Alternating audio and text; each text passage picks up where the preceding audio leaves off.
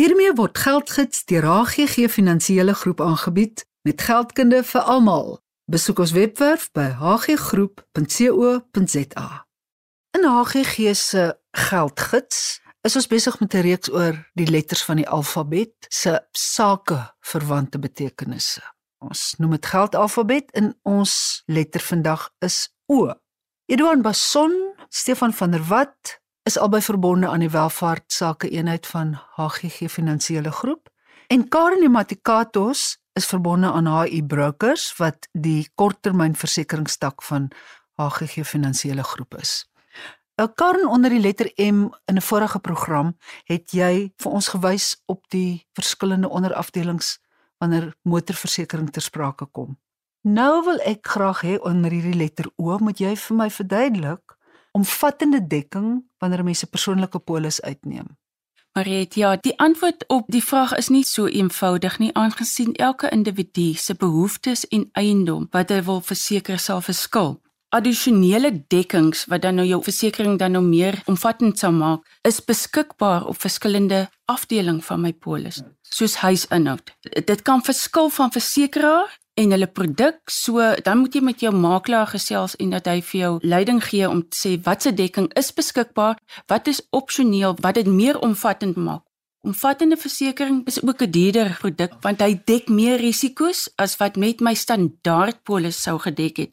So daar's 'n groot verskil tussen elke individu se huisdekking byvoorbeeld. As ek in 'n gebied woon waar daar dikwels stormwater afkom, dan moet ek sorg dat ek gedek is daarvoor. Gewoonlik by die standaard polisse dek hulle daai tipe natuurrampe wat outomaties by jou basiese dekking ingesluit het. Maar dit kan ook mos nou wees dat in sekere areas omdat daar so baie van hierdie natuurrampe plaasvind dat hulle kan sê ek gaan nie vir jou daai vloeddekking gee nie ek mag dit dalk uitsluit dit is belangrik dat jy weet daarvan en ten tye van 'n eis of 'n dan nou 'n gebeurtenis is dit ingesluit of ek mag dalk 'n hoër bybetaling hê ek dink nou aan iets soos 'n alle risiko dekking.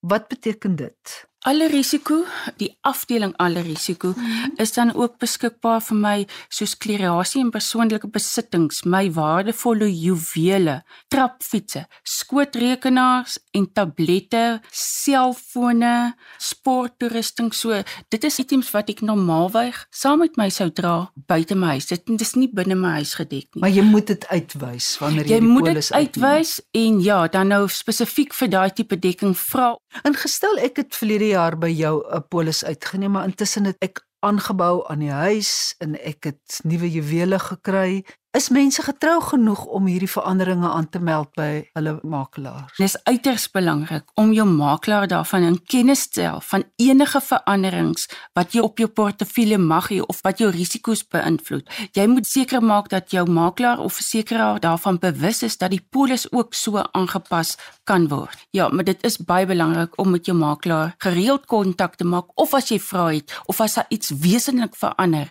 aan jou risiko. Karen, wanneer ons luisteraars met jou in verbinding wil tree met betrekking tot omvattende dekking op persoonlike polisse, kan hulle vir jou skryf op e-pos adres. Hulle is baie welkom en is Karen met 'n e by hibrokers.co.za. Stefan, ongeskiktheidsdekking. Dit het nie te doen met iemand met slegte maniere nie. Nee, maar jy het glad nie. In die versekeringswêreld kry jy twee tipe ongeskiktheid. Jy kry beroepsongeskiktheid en dan kry jy funksionele ongeskiktheid. Met beroepsongeskiktheid gaan jy meer kyk na wat is jou vermoë om die beroep te beoefen wat jy beoefen het voordat jy siek geword het of voordat jy 'n besering opgedoen het. Jy kry twee tipes ongeskiktheidsdekking daar. Jy kry jou lomsomdekking en dan kry jy ook jou inkomste dekking wat dan verbonde is aan jou beroep ongeskiktheidsversekering. So as jy in 'n ongeluk was en jy kan nie verder jou beroep beoefen wat jy kon beoefen het voor die ongeluk nie, sal jy dan maandelikse uitbetaling kry vir so lank as wat die termyn is wat jy gekies het. Jy kan verskillende termyne kies. Uh ek dink is baie belangrik om die termyn wat jy kies in gedagte te hou koördineer daai termyn met jou aftreddingsbeplanning. So jy verseker dan jou inkomste tot en met aftrede. Stefan, jy het beroepsongeskiktheid vir ons verduidelik. Is daar mense wat dit glad nie in ag neem om hulle beroep te verseker nie? Daar is mense wat nie bewus is dat hulle dit kan verseker nie. Maar ek dink wat belangrik is om uit te wys is dat jou vermoë om 'n inkomste te verdien sal 10 teenoor 1 meeste mense se grootste bate wees. 'n Professionele persoon wat op 25 begin werk en die persoon verdien 'n reële inkomste van R35000 per maand, sal oor haar leeftyd of sy leeftyd 16.8 miljoen rand verdien. Ja. Dis 'n redelike groot reële bate wat jy nou al kan verseker. Jou vermoë om 'n inkomste te verdien tot en met aftrede. Dit is iets waarna jy kyk terwyl jy nog lewe. Dit is iets wat jou gaan help om jou lewenstyl te kan handhaaf om na jou familie om te sien. En dit is 'n baie goedkoop manier om eintlik daai risiko te verseker. As jy gaan kyk na 'n 25-jarige professionele persoon kan R35000 se dekking kry vir so min as R300 'n maand en dit is 'n 16 miljoen rand se dekking. Ongeskiktheidsdekking, buitenberoepsongeskiktheid, kry jy funksionele ongeskiktheid. So funksionele ongeskiktheid dek mense wat miskien nie werk nie, byvoorbeeld 'n huisvrou wat is haar vermoë om sekere funksies te kan verrig. As jy sê nie werk nie, beteken dit in 'n beroep staan, want huisvroue werk hard. Heeltemal ek kan vaar die punt, werk verskriklik hard, maar verdien nie inkomste nie. So jy kan nie 'n beroepsongeskiktheid vir gee nie want sy verdien nie 'n inkomste. Maar sy's goud werd. Absoluut. Hoe bepaal jy waarde daaraan? Daar is limite wat Ja. die versekeraars daar sal stel. Dit sal wees wat is jou vermoë om jou arms te gebruik, jou bene te gebruik, jou oë. So dit is jou funksionele vermoëns wat jy het en daar sal natuurlik tekortkoming wees as daai persoon daai vermoë verloor want iemand anderste in die huishouding sal daai rol moet vervul.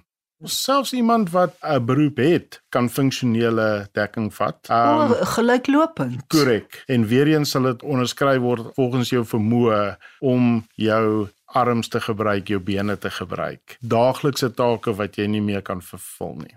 Hoe baie mense is bedagsaam genoeg om hierdie soort van dekking uit te neem? 'n Groot persentasie onder jou professionele persone omdat dit van vroeg af vir hulle uitgewys word, maar ek dink daar's 'n groot deel van die populasie wat nie die dekking het nie, slegs omdat hy nie weet daarvan nie. En dit is tog 'n groot behoefte.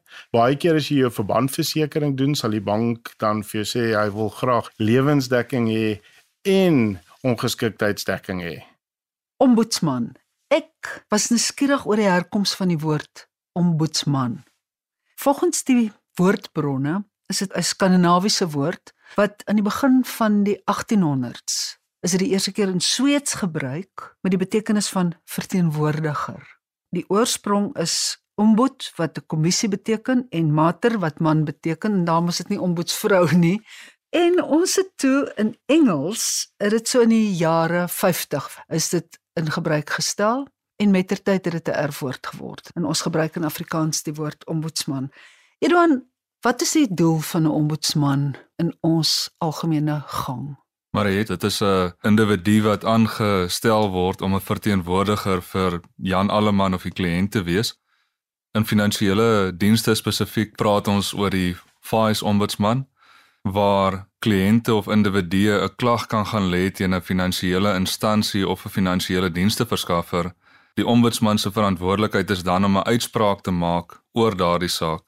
'n Regverdige uitspraak, maar ook sonder dat die individu wat die klag bring groot finansiële uitgawes moet aangaan om 'n regverdige uitspraak te kan geniet. As jy sê groot, is daar enige onkoste verbonde aan die betrekking van 'n ombudsman in 'n saak? Die finansiële diensteverskaffer is verantwoordelik vir die koste sou daar 'n klag teen hulle gelê word per saak. Die ombudsman het ook 'n perk op die grootte van die klag waarop hulle uitspraak mag lewer. Dit is R800 000. So indien die kliënt of die individu 'n eis het wat groter is as R800 000, Ja. word hulle natuurlik aanbeveel om dit eerder na die hof toe te neem as wat hulle dit na die ombudsman toe vat. Die geleentheid om te skik lê by die stappie voordat die kliënt of die individu na die ombudsman toe sal gaan. Die aanbeveelde proses is om eers direk met die finansiële dienste verskaffer in kontak te tree en om dan 'n uitklaring oor die saak te kry. Sou hulle nie kan skik nie, is dit die finansiële dienste verskaffer se verantwoordelikheid om dan die kliënt in te lig dat hy na die ombudsman toe kan gaan en sy saak kan gaan stel by die ombudsman. Opbrengste 'n term wat ons dikwels in die geldverband hoor. Wat beteken dit vir jou wat 'n kenner is? Maar het opbrengste verwys natuurlik na groei wat jy geniet het op jou belegging. As 'n mens kyk na kapitaalbeleggings, verwys opbrengste na die verskil tussen die verkoopprys van daardie kapitaalbate minus die koopprys van daardie bate. Daardie verskil is die opbrengste. Ook as 'n mens 'n kapitaalaanwinstbelasting berekening doen, is daar sekere jaarlikse uitsluitings of ander uitsluitings wat die individu kan geniet. So jou jaarlikse kapitaalaanwinstbelasting uitsluiting is R40000 as jy lewe en die jaar waar jy tot sterwe kom is dit R300000.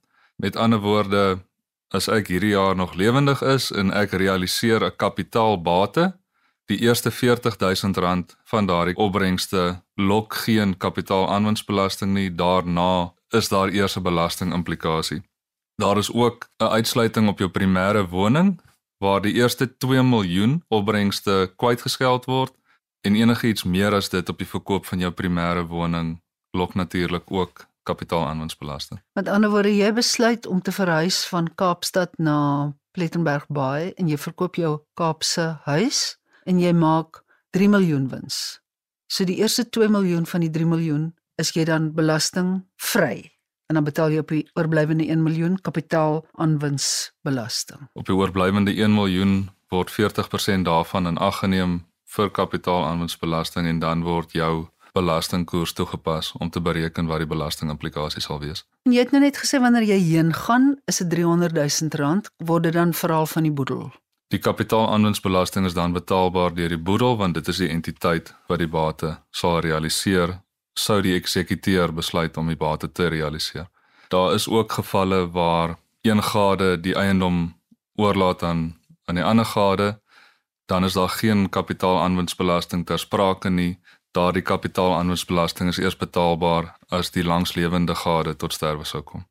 Edouan, ek is seker mense sou graag meer inligting hieroor wou hê jou e-posadres asseblief. Mariet indien uh kliënte wil uitreik en hulp nodig het met beplanning rondom die opbrengste en die belastingimplikasies, is hulle welkom om uit te reik na eduan.b@hggroep.co.za. Dankie Eduan en Stefan, jou e-posadres asseblief. Dit is Stefan met 'n PH by hggroep.co.za.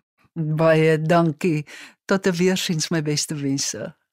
Geldgids word geborg deur HGG Finansiële Groep. Kontak ons gerus by info@hggroep.co.za of 021 851 2778. Dit maak nie saak hoe oud jy is nie.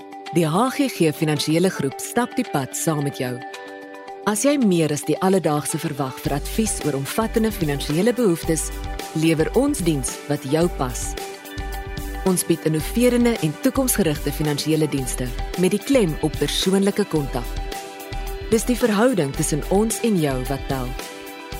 Kontak jou naaste kantoor vandag nog om uit te vind hoe jy die voordele van 'n HGG leefstyl kan geniet. HGG Welvaart is 'n gemagtigde finansiële dienste verskaffer.